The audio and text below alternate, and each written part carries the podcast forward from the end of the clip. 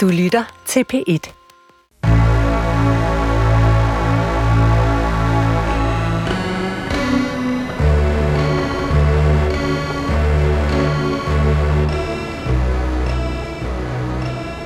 Du har ringet til Hemmeligheder på P1.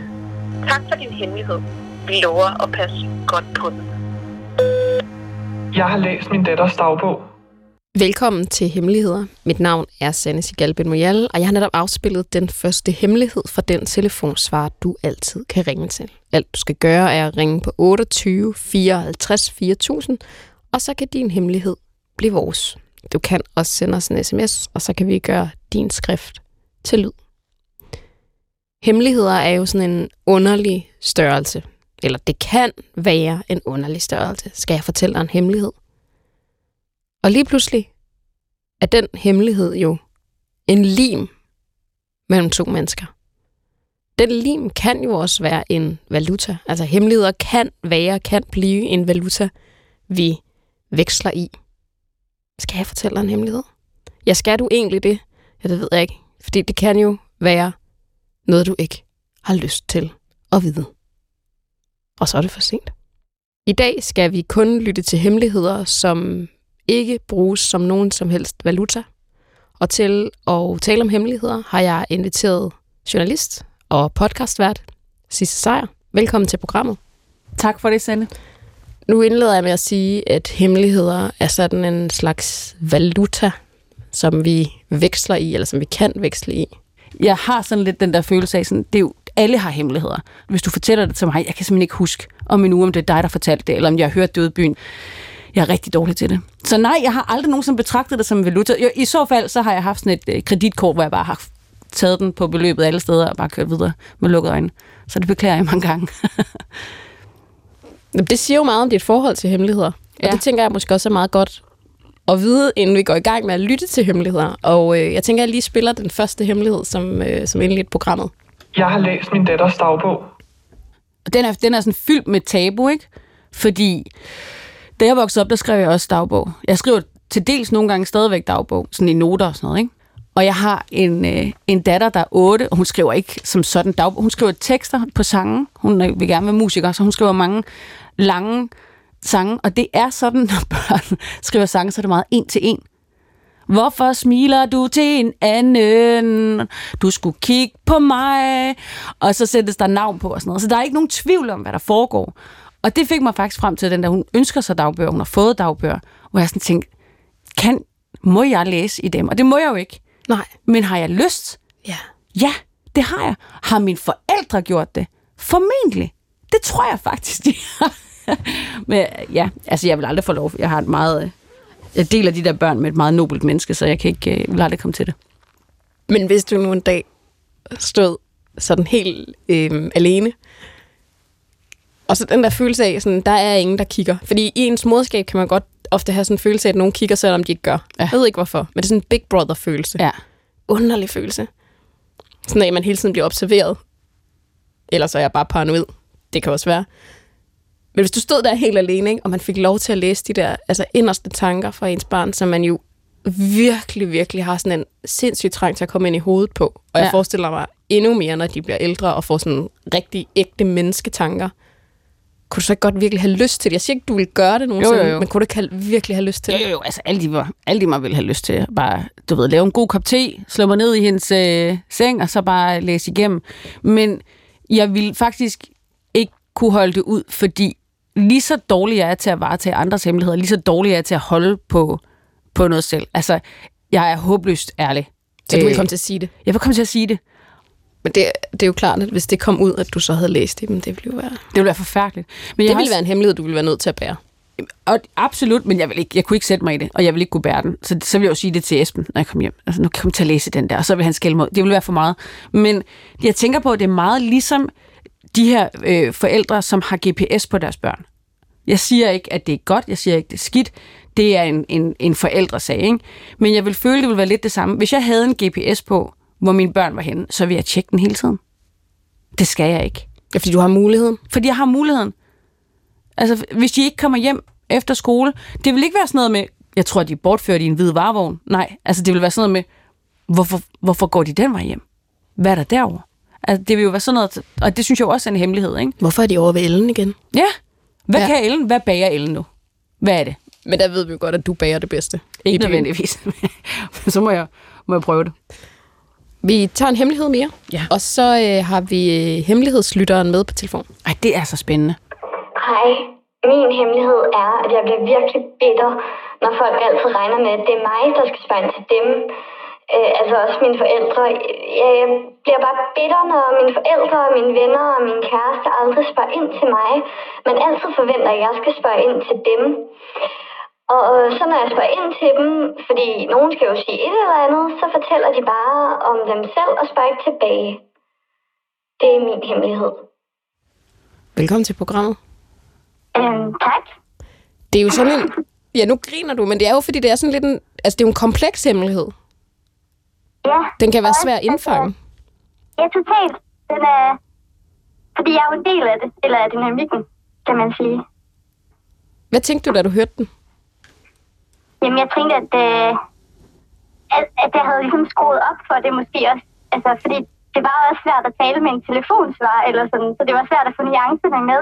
Så har jeg sagt nogle, nogle andre ting, end jeg måske ville sige, hvis jeg skulle sige det til en person, der sådan havde en, øhm, en øh, respons på det. Hmm, det giver mening. Så det er mere firkantet på en måde. Det er nogle gange godt at te, øh, øh, tegne øh, stregerne meget øh, skarpt op, hvis man har. Ja. noget, man skal forstå. For så kan nuancerne altid ligesom øh, komme bagefter. Så har man ligesom skåret det ud. Ja, det er rigtigt. Altså, du føler, at du spørger mere til andre, end de spørger til dig. Og derfor så er der ligesom opbygget sådan en træthed, og så også en bitterhed. Mm. Den opstår tit med trætheden. Og så, og så er det ligesom hemmeligheden, at du egentlig føler, at det er lidt skamfuldt at være bitter over. Fordi du selv føler, at du er en del af dynamikken. Er det rigtigt forstået? Ja, altså det er i hvert fald altså den der bitterhed, som også som er hemmeligheden. Eller det er i hvert fald det, der er det skamfulde. Øh, det, der måske gør, at jeg ikke ville kunne sige det i situationen, fordi at øh, den- her bitterhed, det ville jo være værre, end hvis jeg var, end jeg var, end jeg, end jeg var sur på en eller anden måde, fordi det vil, det vil komme, jeg vil ikke kunne få det ud på sådan en, øh, på en god måde, føler jeg. Det er trykkoger-princippet. Det er, når man har Hvad? gået rundt med det for lang tid, så er man Ja. sådan en trykkoger. Og når det så skal ud, så kommer det ikke nødvendigvis super elegant ud. Men det gør måske heller ikke så meget. Hvad er det for en rolle, du føler, du ligesom indtager, når du er den, der spørger? altså serviceorganet. En, der får det til at glide, og så er det, jeg ligesom bliver i tvivl om, øh, øh, om, de, er- altså, om de overhovedet øh, kender mig, eller sådan gerne vil snakke med mig, eller om det var fordi, at jeg får det til at køre. Hvordan, hvordan er du havnet i den situation? Fordi der må jo være løbet virkelig mange spørgsmål under den bro, inden at du har, øh, er kommet dertil, hvor du er nu. Hvordan, har du ikke på noget tidspunkt sådan før tænkt? Lad mig lige... Jo, jeg tror, det er jo bare et livslangt resultat, eller sådan et resultat af livslang, øh, den måde, jeg er på, eller sådan, det, det er jo ret komplekst. Det er også noget at gøre med, at, at det er utroligt, det vil være svært for mig at skulle tage den der plads. Mm. Øh, jeg, har, jeg har brug for spørgsmålet. Og det der andre mennesker, der ikke har brug for. De kan ligesom fylde selv. Og så er det så, at jeg kan ligge mig rundt om dem og, og hjælpe dem med at fylde. Og det er egentlig der, jeg er tryggest. Så for mit nervesystem, så ville det være, eller det vil, det vil være hårdere for mig, at så skulle fortælle en- masse om, hvad hvad har jeg lavet i weekenden. Eller sådan, hvis jeg ikke, hvis jeg ikke har den der lille hjælper, der lige sådan hjælper mig med at, at spørge ind, eller sådan, ligesom det, jeg selv gør med, med andre folk. Det er det mening. Ja, det giver super god mening. Jeg synes, det lyder meget som noget, jeg selv øh, har brugt meget tid på. Det er det der pæn pige-syndrom, som mm. man lidt har, fordi man kan se, jeg kommer fra en familie, der delvis er fra Nordsjælland, delvis fra Sønderjylland, og det er sådan to forskellige steder at komme fra. Og den, den nordsjællandske del af familien, der lærte jeg at smalltalke med, øh, til middagsselskaber. Det gjorde jeg i en Ja. forholdsvis ung alder. Jeg var ret jeg var ret lille, da jeg sad til bords med Roskildes biskop, kan jeg huske. Og der, jeg havde øh, nogle øjne stirrende på mig fra familien hele tiden, om om jeg nu huskede small talk ordentligt. Og small talk er for en pige, spørg, spørg, spørg. Og for en mand, der er det altid tag imod, tag imod, tag imod. Og så på et tidspunkt, så, så bliver den small talk-rolle bare til det, man er. Og jeg kan godt forstå, at du render rundt nu og er bitter over, at du har brugt så mange gode samtaler på alle andre end dig selv. Men der er altså ikke noget vejen med, at du bobler over og bliver vred og siger, jeg har faktisk brug for, at I stiller mig spørgsmålet. Fordi, prøv at tænke på, hvad, hvad konse- altså konsekvensen er, at du lader være. Så går du bare rundt og bliver mere og mere bitter, mere og mere ked af det, og alle tror, det er okay, fordi du altid stiller spørgsmålene. Det er bare, hun er bare så hyggelig. Hun spørger bare altid ind til mig. Og så glemmer man det lidt. Der er ikke noget vejen med at vise vrede. Der, dine følelser, vrede er fedt. Det er mega fedt. Ja, ja, ja. Og så kan de se, shit, nej, okay, det glemte vi. Og vi vil faktisk rigtig gerne have, vi elsker dig, vi vil gerne have, at vi ved mere om dig. Jamen, jeg tror også, det er også fordi, at jeg, jeg ligesom skammer over, at jeg ikke selv kan bringe det til bordet. Eller sådan, hvorfor er det, jeg skal have den her støttepædagog i samtalen? Sådan, øh, hvis Ja. du forstår, altså sådan, ja. ja. Du kan være din egen støttepædagog. Du kan simpelthen vende spørgsmålet om, hvordan har jeg så haft det i dag? Nu skal I høre. Men jeg ved det ikke. Men det er jo også de der roller, man indtager. Altså, jeg tænker, at det her, det er jo blandt dine venner og din familie, og der har man jo tit sådan de der fuldstændig fastlåste, fastlåste dynamikker. Så du, jeg tror også, ubevidst har man jo nærmest allerede indtaget dem, inden man går ind i rummet. Yes, Der er ja. en, der ved, at nu kommer du, og det bliver mega dejligt at snakke med dig, så jeg lige kan forvente det her i mit liv.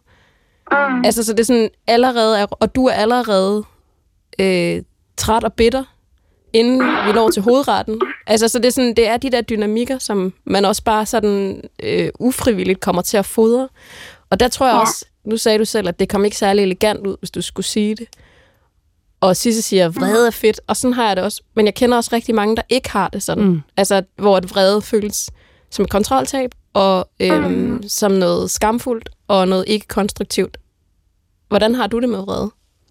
Jeg har det svært med selv at, at være vred. Jeg, altså, jeg kan nærmest ikke... Altså, jeg, jeg tror, jeg går direkte til at blive ked af det. Og, og jeg, jeg er ret træt af at som, skulle tage rollen som den, der er ked af det. Øhm, så jeg kan godt tænke mig at prøve lidt vrede, men, men jeg er også bange for kontroltabet, som du siger. Altså, jeg tror, det er et, et stort kontroltab for mig. Du bliver jo også, forestiller jeg mig, ked af det, eller hvad er det sådan et udtryk for, når de ikke spørger ind til dig? Altså, hvad, hvad tager du det som et udtryk for? Jamen, sådan manglende omtanke, eller manglende opmærksomhed på mig.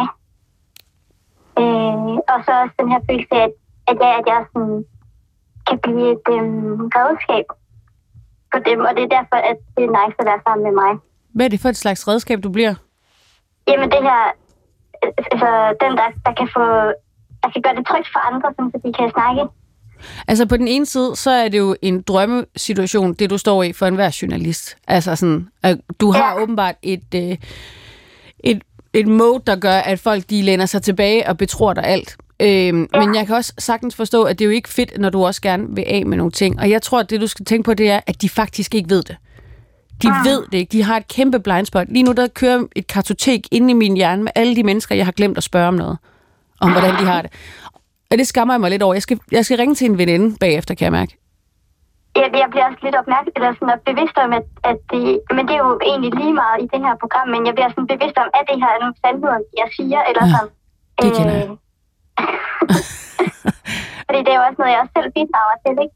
Og men jeg tror, at når man tænker sådan, så er det oftest, fordi man er et meget fint øh, og fint følende menneske. Altså fordi jeg tror, at de andre, de, har, de glemmer lige at stille sig selv det spørgsmål.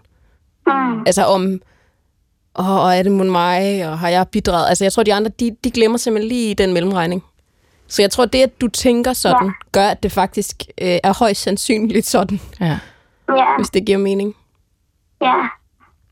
Altså, det, du må være en vidunderlig ven at være sammen med, og der går ingenting af dig, ved at man også skal spørge dig om, hvordan det går. Og må jeg høre, hvordan har du det nu? Mm, jeg har det, jeg, jeg, jeg, jeg var helt spændt på at skulle være med i programmet. Så jeg har det bare, jeg har det godt. Jeg har det optur. Åh, oh, det er dejligt at høre.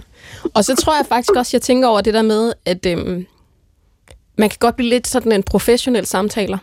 Altså, lidt ligesom øh, nogen altid ender med at blive turguiden. Altså, øh, ja. lave logistikken og sætte du ved, tingene op og huske Ja, det er nemlig ikke mig, så jeg tror, jeg er den, der, der, der tager øh, samtalen. Ja, så du, jeg tror bare, man kan godt indtage sådan en, fordi den også er velkendt, så kan man blive næsten for god til at samtale. Ja, Så hvis du lige disrupter dig selv, og lige øh, lader vreden boble ud en gang imellem, så skal de få en anden oplevelse. Og det er i hvert fald en oplevelse, de ikke glemmer. eller bare stillheden, måske. Ja. Uden, uden, altså, at man ikke behøver at stille et opfølgende spørgsmål, men bare kan lade, lade deres historie ligge lidt, og så se, hvad der sker.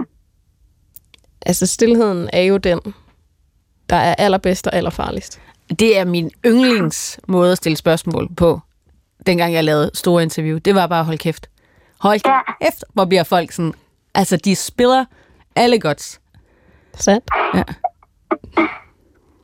Øh, Jeg håber, at øh, vi spurgte nok ind til dig. Tak. Vi gjorde i hvert fald gjorde vores bedste, og tusind tak, fordi at du var med. Tak fordi jeg måtte være med. Ja. Det kan jeg så godt relatere til. Det, det er jo også der, hvor du så lægger ud med at spørge, om jeg, om jeg kender valutaen i hemmeligheder. Altså, der har jeg jo sådan, jeg, det, det gør jeg jo ikke, fordi jeg samtaler jo bare. Så jeg kategoriserer ikke ting som hemmelige, men jeg kan for eksempel finde ud af at samtale. Det synes jeg måske er en valuta i sig selv. Det er det da. Så bare ikke fortæl mig noget hemmeligt. Jeg synes også, det er lidt sjovt, fordi... At, og det kan jo være, at vi kommer til det med din hemmelighed, men din mand har jo været i programmet. Ja. Og har også fortalt en hemmelighed. Og det er jo lidt sjovt nu, når jeg kender dit forhold til hemmeligheder. Så synes jeg, at den er endnu sjovere. Jeg ringede jo hjem og det var så sjovt. altså, Ja, jeg har jo været inde ved Sanne, og øh, jeg har fortalt en hemmelighed. Det slår mig, jeg har faktisk ikke fortalt den til dig. men det begynder jo at give mening.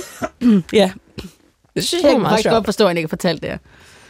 Kæft, mand, den figur. Står den der stadig? Ja, Vi tager lige en hemmelighed mere.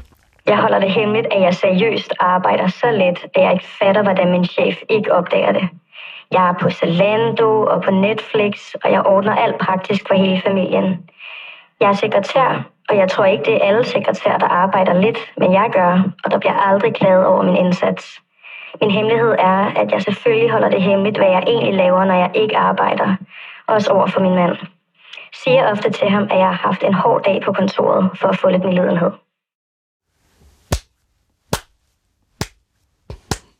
Øh, hvad? Du tænker, hun Er har der et problem i det her? Altså, Nej, men man kan jo godt forstå, det her, det skal man jo holde hemmeligt, for ellers så er ens ja. øh, livssituation jo en anden. Ja, det er altså, hvis man ligesom siger til chefen sådan, jeg har det alt for lidt. Ja. Nu har jeg været på Zalando 10 gange i dag. Altså, så vil man jo få flere arbejdsopgaver. Og når man kommer hjem, kan man jo ikke bruge det samme øh, kort, eller jeg har været på Nej, nej, arbejde, nej. det har været en hård dag. Så det er jo en god hemmelighed, ja. tænker jeg. Jeg tror da, vi alle sammen til en vis grad, der er selvfølgelig nogle mennesker, der aldrig nogensinde kan, lave, der kan have tid til at shoppe nogen som helst steder, øh, når de er på arbejde. Men jeg tror, at alle til en vis grad overspiller lidt, hvor hårdt det var i dag. Altså, Sådan tænker jeg, når jeg kigger ud i storrumskontoret. altså jeg laver ikke en skid. Men, men det er jo... Men, men altså det, jeg så laver, det laver jeg virkelig godt. Og det tror jeg så også, at, at det, der gør sig gældende for vores sekretær her, hun må jo være så strålende dygtig til sit arbejde, at hun har tid til alt det andet.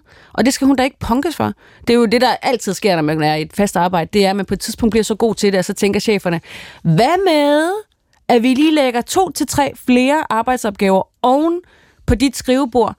Du skal vel og mærke ikke have mere løn for det, fordi det kan du sagtens. Du har jo masser af tid, du gør jo det andet. Sådan der.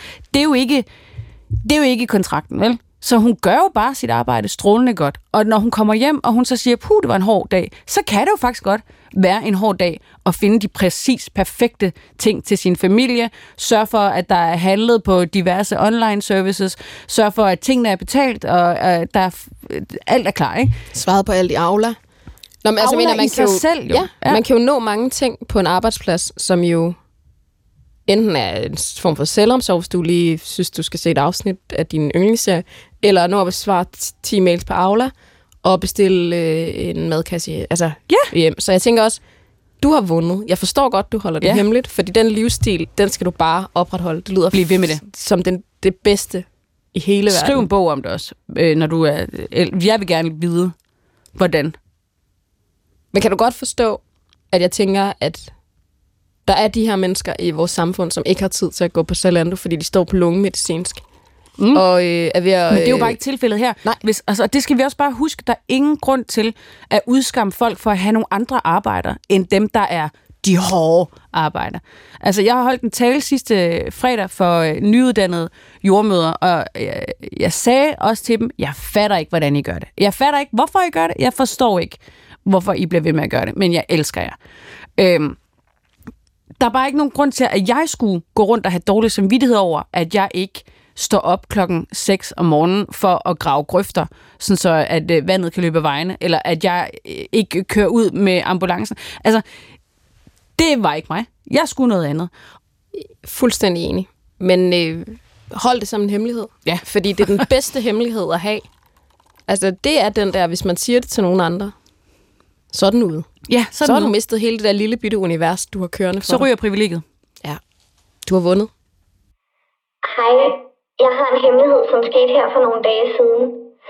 Jeg sprang min ekskærestes postkasse, efter han i næsten et år havde tyranniseret mig og misbrugt mig og slået mig. Og det gjorde jeg sammen med min nye kæreste, fordi jeg havde fortalt ham det, og min kæreste synes, at han fortjente det. Jeg har så sidenhen fortrudt det og føler mig dybt, dybt kriminel, men jeg håber, at jeg kan grine af den dag. Så det var min hemmelighed. Velkommen til programmet. Jo, tak. Da du lægger ud med at sige, at jeg har sprængt min kærestes postkasse, så grinede jeg også. Jeg synes, det var fantastisk. Og da der så kommer alt, altså det er jo en kulmination på, det lyder jo som om, du har været igennem et levende helvede. Altså, hvorfor sprængte du ikke hans hus? Sagde jeg Ja. med overført betydning, fordi man må selvfølgelig aldrig nogensinde. Men det lyder da som om, at det var en postkasse, der havde fortjent at blive sprunget i luften på, på lang afstand. Altså, hvorfor er det, at skammen er der nu? Jeg tror, at det er fordi, at det er det mest kriminelle, jeg i mit liv har gjort, udover at, at cykle på cykel uden lys. Jeg tror, det er fordi, at for mig selv er det en meget voldsom ting. Uanset hvad mennesker har gjort, så fortjener de ikke at hverken at blive bange eller, eller få noget igen. Det synes jeg ikke, de gør. Jeg tænker, lad os lige starte et sted, fordi jeg synes jo, det er, sådan en, det er lidt sådan en hemmelighed, der kommer i flere dele. Den postkasse dækker over noget, der er øh, for det første meget alvorligt, og noget, som du på ingen måde er på afstand af, øh, lyder det som også, fordi du faktisk er skamfuld over det. Altså, lad os lige starte med noget så lavpraktisk som postkassen. Øh, hvorfor en postkasse? Ja, det er jo et godt spørgsmål. Jeg tror, det er fordi, at det, hvor jeg kommer fra i landet, så er det sådan noget, som de unge, de gør. For, ja, for at gå rundt og lave sjov. Øh, eller, eller springe nogens postkasse, som, hvor man ikke kan lide dem. Og så, ja, nu kan jeg afsløre, at jeg er i midten af 20'erne, så jeg er jo ikke som sådan ung mere som dem, som der gør sådan noget. Så jeg tror bare, at ja, det skulle bare gøres. den der følelse, der er jo ligesom sådan et før og et efter postkasse her. Der er følelsen, du ja. Havde før påsken, og så er der følelsen, du, du sidder med efter postkassen. Og den følelse, du havde altså før postkassen, hvad er det for nogle øh, følelser, du lægger, lægger ned i den postkasse, var jeg ved at sige, altså, da den, inden den springer? de følelser, jeg havde inden, var, øh, var frygt, og jeg var ked af det, og, og alt det, der bare var sket og sådan noget, det fyldte bare min hverdag. Og kunne ikke, altså, kunne ikke noget ud over at tænke på ham og det, han havde gjort, og jeg kunne ikke komme videre. Jeg tror, at, at det også er grunden til, at jeg vil gøre det. Det var så, jeg vil på en eller anden måde springe ham ud af mit hoved. Og det ved jeg så heller ikke helt, om jeg synes er kommet godt ud på den anden side, faktisk. Nej. Øhm, Du tænkte, der var sådan noget lavpraktisk i, og ligesom prøve at sprænge noget, jeg sprang ham ud af hovedet på en eller anden måde. ja, Det er ligesom, når man brænder billeder eller kærestebrev, altså man får det, får det væk. Så på den her måde, det er det måske lidt mere sådan, jeg springer, springer ham ud. som du selv indledte med at sige, det, du føler, at det her det er det mest kriminelle, du nogensinde har, har gjort, og det er det, der forfølger dig om natten, når du ikke kan sove. ja, Og den samvittighed æder dig lidt op. Ligegyldigt om jeg forstår det eller ej, så, øh, så forstår jeg godt den der følelse af, at du har gjort noget, som er sådan lidt out of character Ja. for dig. meget. Altså, jeg er sådan en person, som der, selvom tre, at klokken er tre om natten, så står jeg alligevel og venter på, at det bliver grønt, så man går over fodgængerfeltet. Nå. Altså, det, jeg er så heller ikke sådan en, der skærer hjørner og sådan noget. Jeg, øh, jeg, der går meget firkantet, sådan, man skal ikke gå over en græsplæne, hvis man går en, en sti, øh, der er øh, 100 meter længere hen, eller et eller andet. Så det er meget uvandt for mig, ja. Altså, du har Din- på en eller anden måde sprængt hul i dig selv. Ja, lige præcis. Og Ja. jeg, jeg, jeg kunne slet ikke kende mig selv, lige efter jeg havde gjort det. Jeg skulle også lige finde mig selv efter. Altså, der var en hel uge, hvor jeg ikke sov eller kunne spise. Og jeg var totalt paranoid, som jeg sagde. Og så ja, og ja, jeg fungerede bare slet ikke den uge. Og jeg kunne næsten ikke gå på, gå på arbejde, uden at jeg sådan fik mig over skuldrene. Vil din Ja. ekskæreste forvente det her af dig, tror du? Tror du, han ville tænke, det her, det, kan du, det kunne hun godt finde på?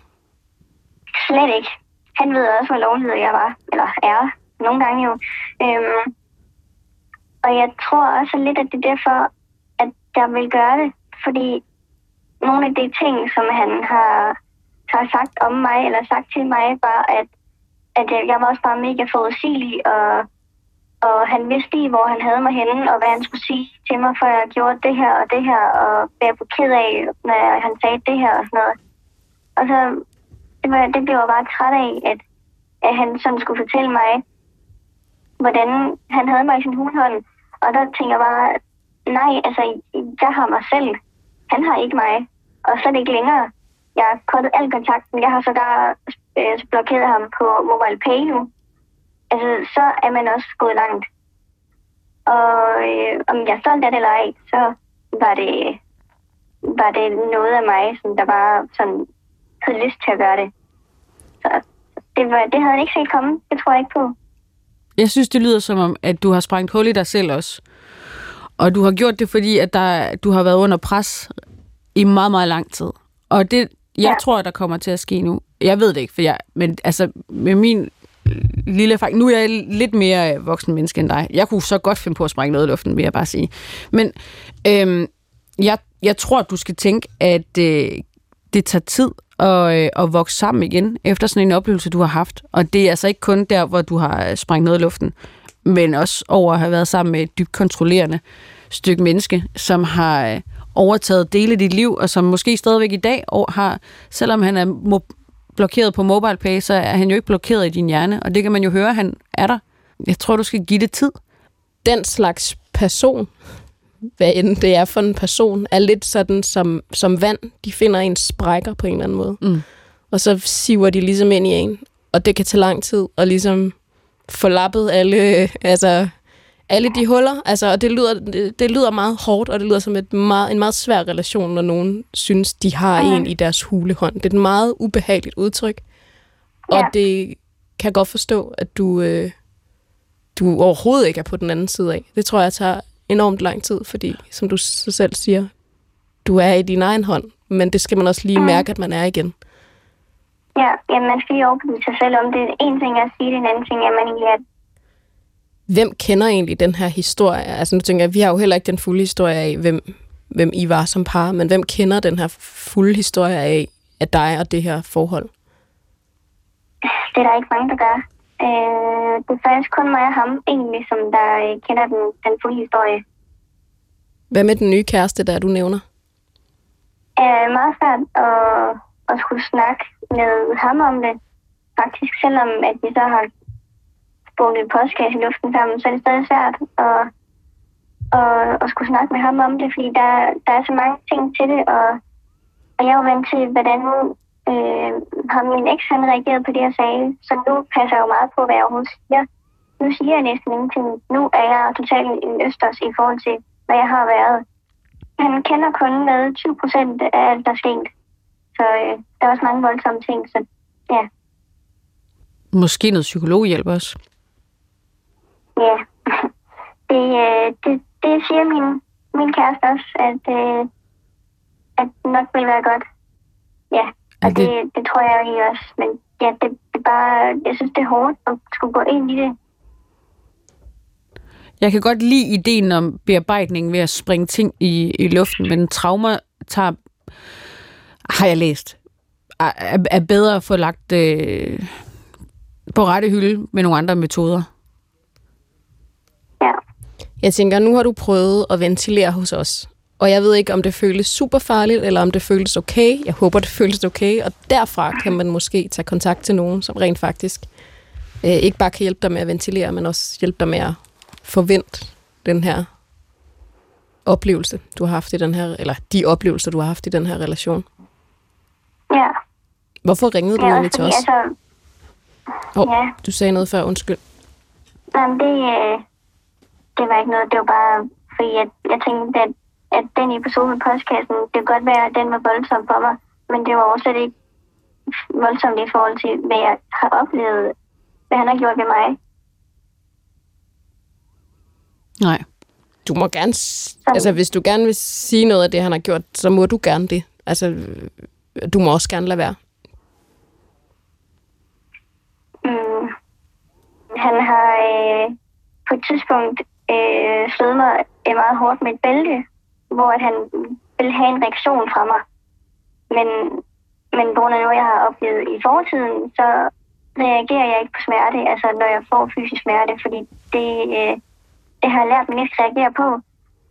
Øh, så, så han slog mig meget hårdt, og så kiggede han på mig, og så han sådan, hvorfor reagerer du ikke? Jeg har aldrig nogensinde slået et menneske så hårdt før. Det er da mærkeligt, at du ikke reagerer på det. Nu tager jeg lige den Ja. sætning, som Sisse sagde før, og så mejsler jeg den alligevel lige ind i noget sten. Og det er, at jeg håber virkelig, at du nu, hvor du har ventileret hos os, øhm, kan række ud efter nogen, som kan hjælpe dig. Fordi det tænker jeg, at øh, det vil du have brug for. Ja, Og jeg tænker også, at nogle gange, når man har ventileret lidt, så kan man komme til at tænke på alle mulige ting bagefter. Mm. Og øh, jeg mener det, når jeg siger, jeg håber virkelig, at du vil række ud, fordi det lyder meget voldsomt. ja, Og jeg vil sige, den postkasse der, Det er det mindste. lad den, lad den hvile. Det er fint. ja. De køber en Det er heldigvis også lige gået op for mig nu, nu hvor jeg, hvor jeg siger det højt, at det, det, det kunne ikke være mindre faktisk. Nej. Nej, men jeg håber virkelig, at, øh, at det, at du åbnede op i dag lidt, kunne gøre, at du får lyst til at åbne op noget for noget mere. Jeg tror, du vil blive... Du er kun i midten af 20'erne. Du har et meget langt liv foran dig. Du skal ikke gå rundt og, øh, og knokle med det her alene. Det er livet for langt til. Ja, Tag ham der kæresten, som lyder øh, sød. Tag ham i hånden. Og så, øh, og så øh, vil han tage dig i hånden. Og så øh, tænker jeg, at øh, I kan prøve at finde ud af at få noget hjælp. Han lyder ja. som en støtte. Han er fantastisk. Altså, han er manden i mit liv, det er jeg sikker på, og det fortæller jeg ham også hver dag. Fortæl ham bare en ja. lille bitte del af det. Ja. Selvom det er hårdt, så, øh, så tror jeg også, at det, at det vil gøre godt i den lange ende. Det er jeg overbevist om. Tusind ja. tak, fordi at du ringede her en, en eller anden søvnløs nat. Jamen, det, jeg er glad for, at jeg havde muligheden for at ringe herind. Og den postkasse der, det er vand under broen. Ja. Der er jo ikke nogen elegant måde at komme videre fra postkasser. For det er postkasser, og det er jo det, der er med det. Det er jo aldrig bare en postkasse. Nej. En postkasse er ikke en postkasse. Har du nogensinde hævnet dig? Jeg vil faktisk sige umiddelbart nej. Det kan jeg ikke komme i tanke om, at jeg har. Men har du leget med tanken om, hvordan du kunne hævne dig? Jamen 100 procent. Altså det, det er derfor, det overrasker mig, at jeg ikke har. Fordi Ja. jeg egentlig er et ret temperamentsfuldt men, menneske. Ja. Og, og, og bestemt ikke for fin til at føle ekstremt vred. Nej, nej. Så jeg, jeg undrer mig lidt over, at jeg ikke har taget en eller anden form for hævn, men det har jeg faktisk ikke. Det lyder det- som om, du har. Ja, ja, men, altså, men jeg tror, du er en bedre konsekvensberegner. Øh, fordi altså, man kan jo godt have tanken i hovedet, og man kan også godt spille den til ende, og man kan også godt altså, nærmest få fryden af ansigtet på det menneske, man hævner sig på, i, når det går op for vedkommende, at this is revenge. Men, og det skal siges på den måde. Øh, Men det er jo så- også en, det er en ultimativ, altså jeg tænker, hævnen, som vi taler om her, at det, det er sådan en ultimativ øh, øh, retfærdighedsfølelse. Ja. Altså der skal, der skal ske justice. Yes. Ja.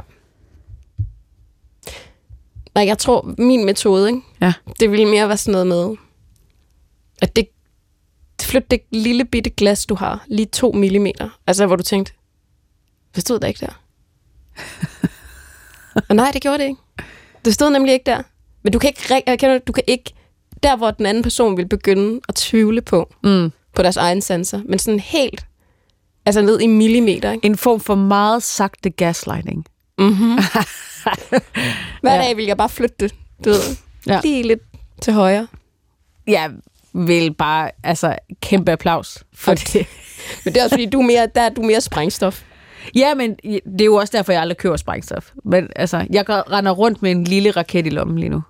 Ja, raket er det jo ikke. Det hedder det ikke. En lille hvad hedder sådan en? Jeg, sådan en, man kan tænde, og så siger den, piu, piu, piu, piu, piu, piu. Altså et heksehyl. Nej, nej, det er bedre end et heksehyl. Det er steppet over et heksehyl. Og jeg har bare rendt rundt med det i lommen nu, fordi jeg, jeg glæder mig til den dag, hvor hele min familie, de tror, der er stille og roligt, vi går lige en øh, hyggelig eftermiddagstur, og så siger det bare lige pludselig, piu, piu, piu. Men jeg har jo aldrig nogen lighter, for jeg ryger jo ikke. Så det er da jo... Det er, Det er lort. virkelig mærkeligt, det der sidste. Ja. Ja. Jeg kan godt lide det, men det, er- det er en... En eller anden dag, ikke? Så får de et chok. Vi tager en øh, hemmelighed mere. Min hemmelighed er, at jeg har været nødt til at redigere et billede af mig og min kæreste. Det er øh, vores bryllupsinvitationer, som skal sendes ud.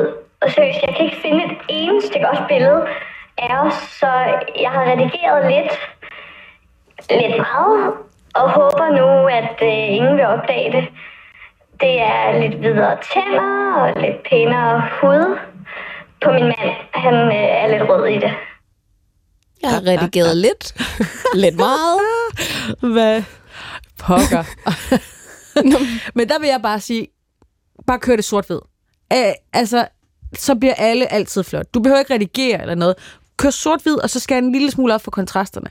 Det er, ja, at redigere et billede, fordi du fjerner alle farver, men så forsvinder alt det rødmossede. Øh, tænder bliver automatisk videre. Jeg vil våge at påstå, mange folk ser også slankere ud, når det bliver sort-hvid. Og de ser i hvert fald sådan meget mere dybfølt ud. Det er bare til næste gang. Der er ikke, altså, Det er et meget elegant tip. Altså, alle redigerer jo. Hver gang du tager et billede og lægger op på din Instagram, så kan det godt være, at du ikke lægger et filter på, men du redigerer det på den måde, du redigerer virkeligheden. Fordi du så sidder du på den, en speciel måde, eller du ved, når du laver nogle billeder, der, der skal henvise til øh, hemmeligheder, så er det jo også, så, så, så står I også altid. Altså alt er jo redigeret. Her er det, det bare tænderne, der bliver videre, og huden, der bliver lidt øh, pænere. Altså alle redigerer jo virkeligheden hele tiden, når de kan komme til det. Det er jo ikke noget. Jeg, sy- jeg tror, du ser pissegodt ud på de billeder. Og det tror jeg, at du kommer til at overstråle dem tusind gange til brylluppet. Og så sørger du bare lige for at give ham en lille smule foundation på til, øh, til kirkegulvet, og så er han ikke rød i hovedet, og så kan du få taget masser af billeder, I kan dele for eftertiden, uden at redigere. Fordi der er jo to ting i det her. Der er jo det, sådan er det jo med et bryllupsmøde. Hvordan ser du selv ud, og hvordan ser din mand ud? Mm. Og her der lyder det lidt som om, at hun måske, hun siger, der findes ikke nogen gode billeder af os. Det er jo også fordi parfotoet, Ja, det er umuligt. det er jo en svær disciplin. Det er umuligt. Fordi det kan godt være, at du tænker, at du ser genial ud. Ja. Men så er din mand, han har måske netop en tendens til rød. Ja. Eller øh, han har måske høje tændinger. Eller der er noget andet, du synes godt kunne have været mere optimalt. Mhm. Og det er jo der, det sker, det med den her redigering ja. af bryllups øh, invitationen. Ikke? Fordi det er jo kun invitationen, vi er på. Ja. Altså det er jo, at man tænker, det her, det, det er den vigtigste øh, invitation, jeg nogensinde sender ud. Og den skal være flot. Ja. Men hvad fanden gør jeg med ham, jeg skal giftes med? For han ligner ikke det, jeg havde drømt om på det her billede. og det er der, hvor jeg synes, den er meget, den er meget sød, den her hemmelighed. Fordi det, jeg tror, det, der også ligger i det, det er jo, vil folk tænke over det, når de modtager den? Altså sådan, Nej. det er da ikke, det er da ikke Allan og, og Bente. altså, øh, Men det er jo det, det men jeg tænker oftest alt for meget over, hvordan jeg ser ud, når jeg går ud. Hvordan præsenterer jeg mig selv? Hvordan, altså sådan, og jeg, øh, jeg gjorde det måske meget mere for 10 år siden, end jeg gør i dag. Men det kommer stadigvæk til mig nogle gange. Og der er det, min, min kære mand har sagt til mig, og, og det er ligesom også begyndt at, at festne sig, det er, der er ingen, der giver en shit for, hvordan du ser ud. Altså sådan, virkelig. fordi de er så optaget af sig De er selv. så optaget af sig selv.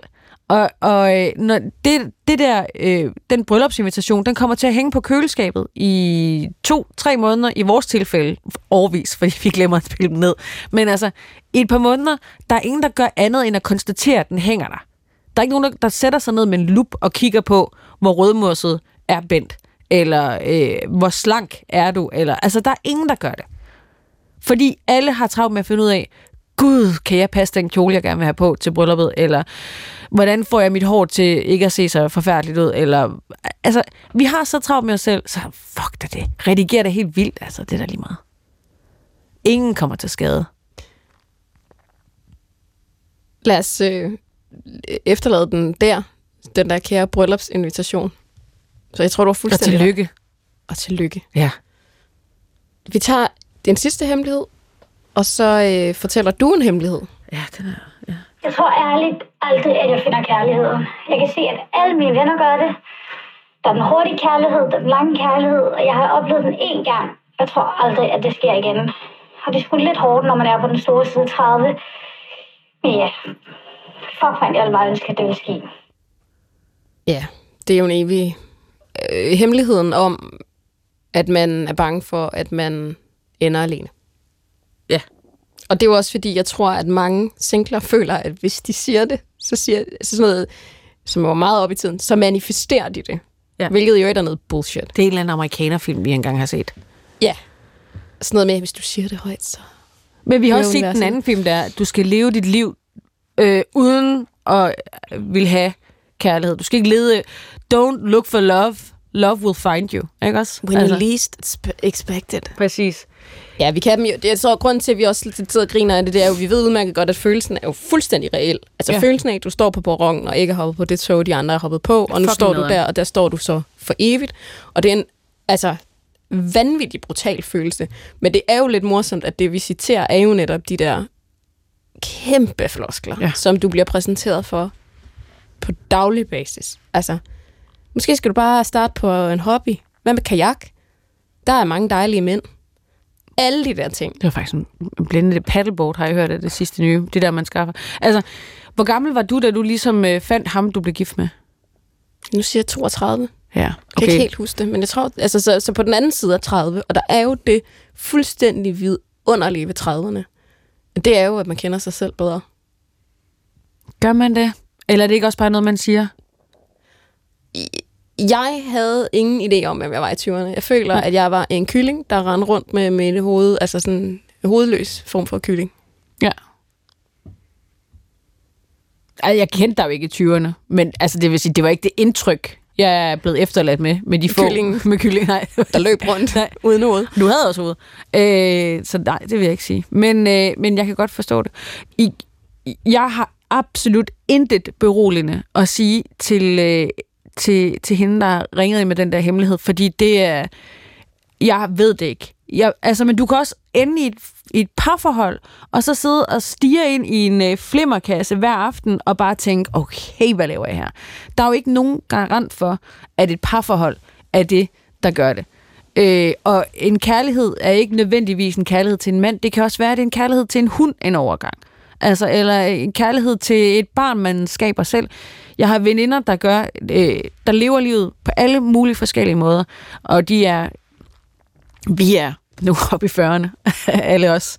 Og øh, det er en, vil jeg sige, i hvert fald i mit tilfælde, en følgesvend af, det er at være ensom. Det har jeg i hvert fald haft en, det har jeg skulle forlige mig med i de der 30'er, hvor man, hvor man finder sig selv, øh, at jeg er ensom som udgangspunkt.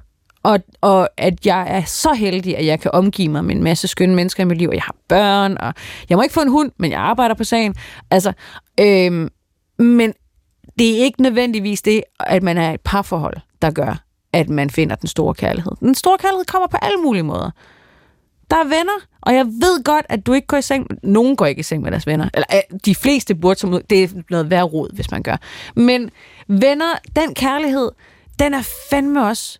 Den er stor, den skal man varetage. Og øh, øh, ja, kærester kommer og går. Og, og, og nogle af dem består, okay, jeg lyder som om, jeg er i gang med at skrive sådan en sølvbryllupstale. Men det, du bare skal huske, det er, at du skal have det sjovt. Det er en meget realistisk sølvbryllupstale i så fald. Det er den, der blev skrevet til, til Ritz sølvbryllup i tidernes morgen. Fuldstændig. Men Kærester kommer og går. præcis, men du består. Tak for Søren Mørk består. Ja. Men øh, jeg, vil bare, jeg vil bare sige, der er jo ikke nogen, der kan give dig en garant for, at du finder den der kærlighed. Men den kærlighed kan jo, er jo heller ikke nødvendigvis der, hvor du leder efter den. Og jeg vil bare sige, jeg står for rigtig mange mennesker, som om, jeg har hele pakken. Altså, jeg har mand, jeg har børn, vi har et fucking hus, vi har en bil, indtil flere cykler. Øh, det kører. Men jeg er også ensom. Altså, så det er ikke nødvendigvis. Altså ensom, men i godt selskab. Og jeg elsker min familie. Men, men stadigvæk, den er der bare. Så man skal bare huske, at det er ikke nødvendigvis et andet menneske, der kan opfylde det der tomrum. Jeg kan godt lide, at du du tør at sige, at det vil du ikke garantere, fordi jeg tror, at det, som mange hører i 30'erne, er bare, du ved, lige rundt om hjørnet. Altså Mm. den der følelse af, at du sidder i et evigt, hvad hedder sådan, øh, venterum. Ikke? Ja. Du sidder bare og venter for evigt. Ja. Ude Og på, på, altså, Og man er til alle mulige arrangementer. Altså, man står i dumme hale alle mulige steder, og de eneste, der er tilbage er, ja, sorry to say so, ens vidunderlige venner, som heller ikke kan finde nogen ting. Øh, mennesker, eller mænd, eller kvinder, eller hens, eller whatever. Altså, det er jo... Der er ikke nogen garanti. Og, jeg, og det er bare... Jeg, altså, det er jo ikke for at være nederen, men, men jeg har jo igen masser af venner, som der lever virkelig seje, skønne, virker det til ud af til også øh, øh, fuldendte liv, uden at have en special someone. Men så har de måske fået et barn, eller de har øh, venskaber, på, t- altså, eller kastet sig over nogle ting. Det er jo bare ikke alle, der, der skal have det der øh, lille familieliv. Og gudske lov for det, fordi det kan altså også være røvsygt, ikke?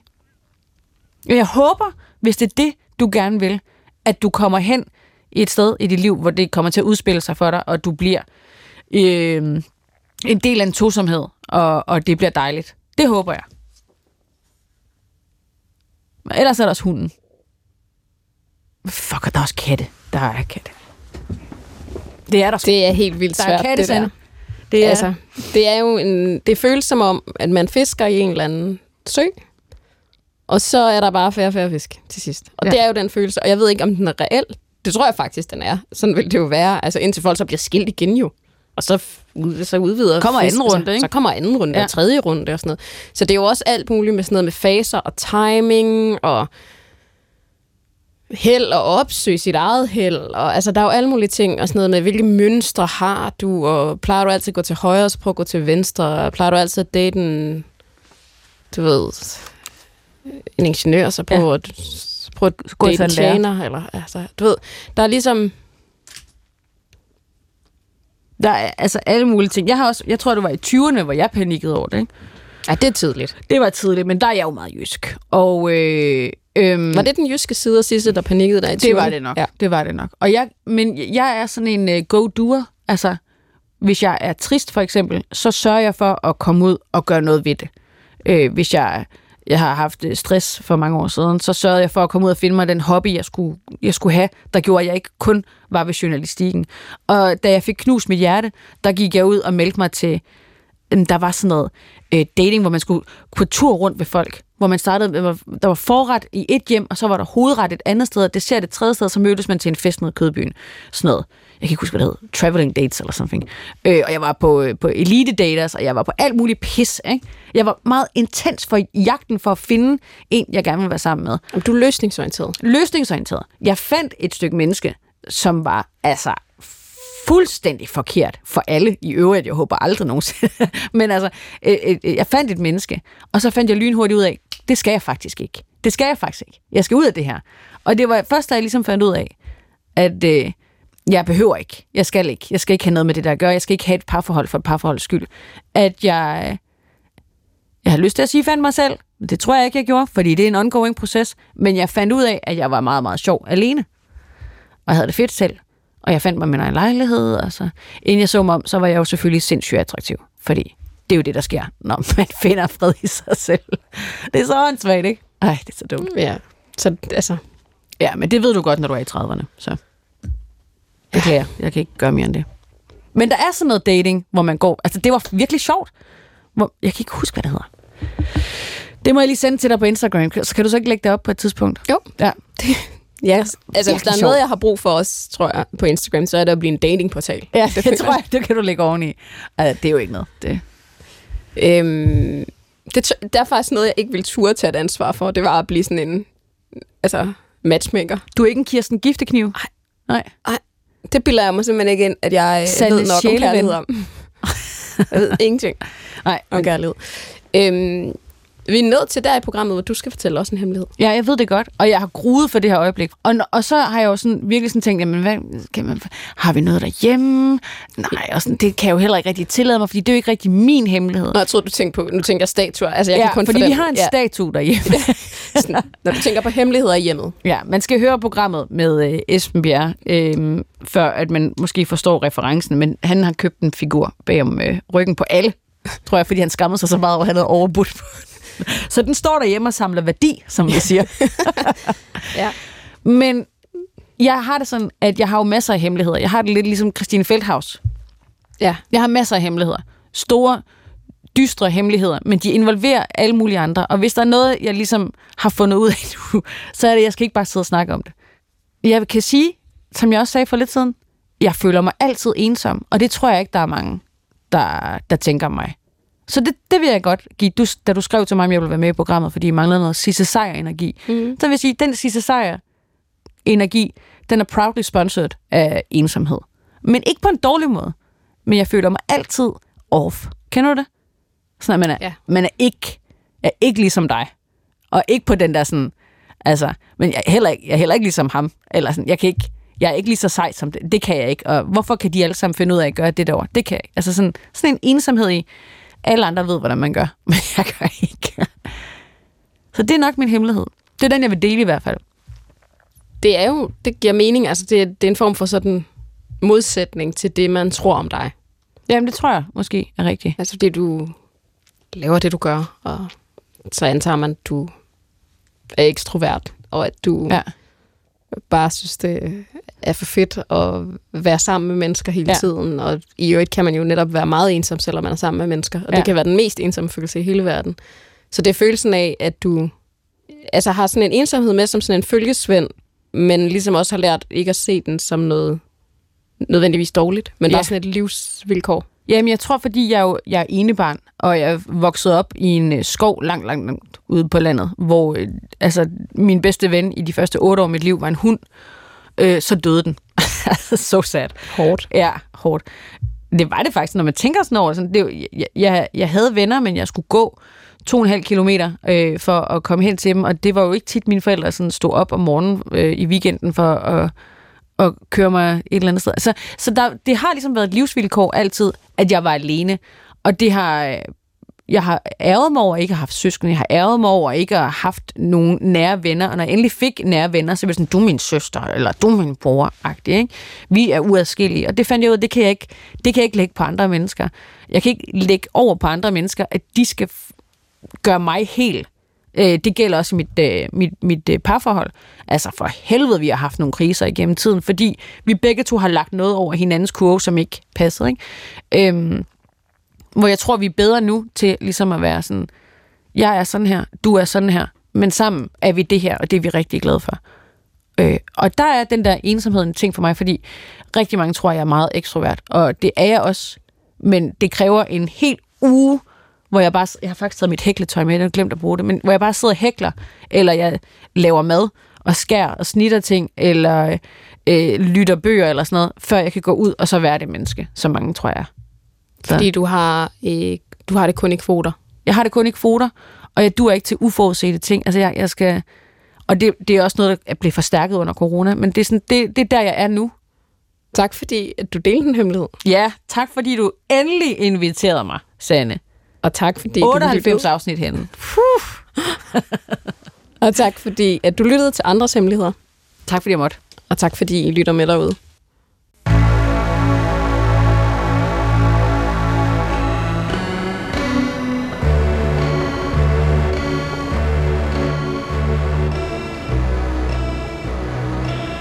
Du har ringet til Hemmeligheder på P1.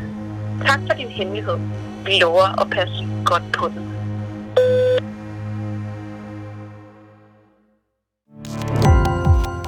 Gå på opdagelse i alle DR's podcast og radioprogrammer. I appen DR Lyd.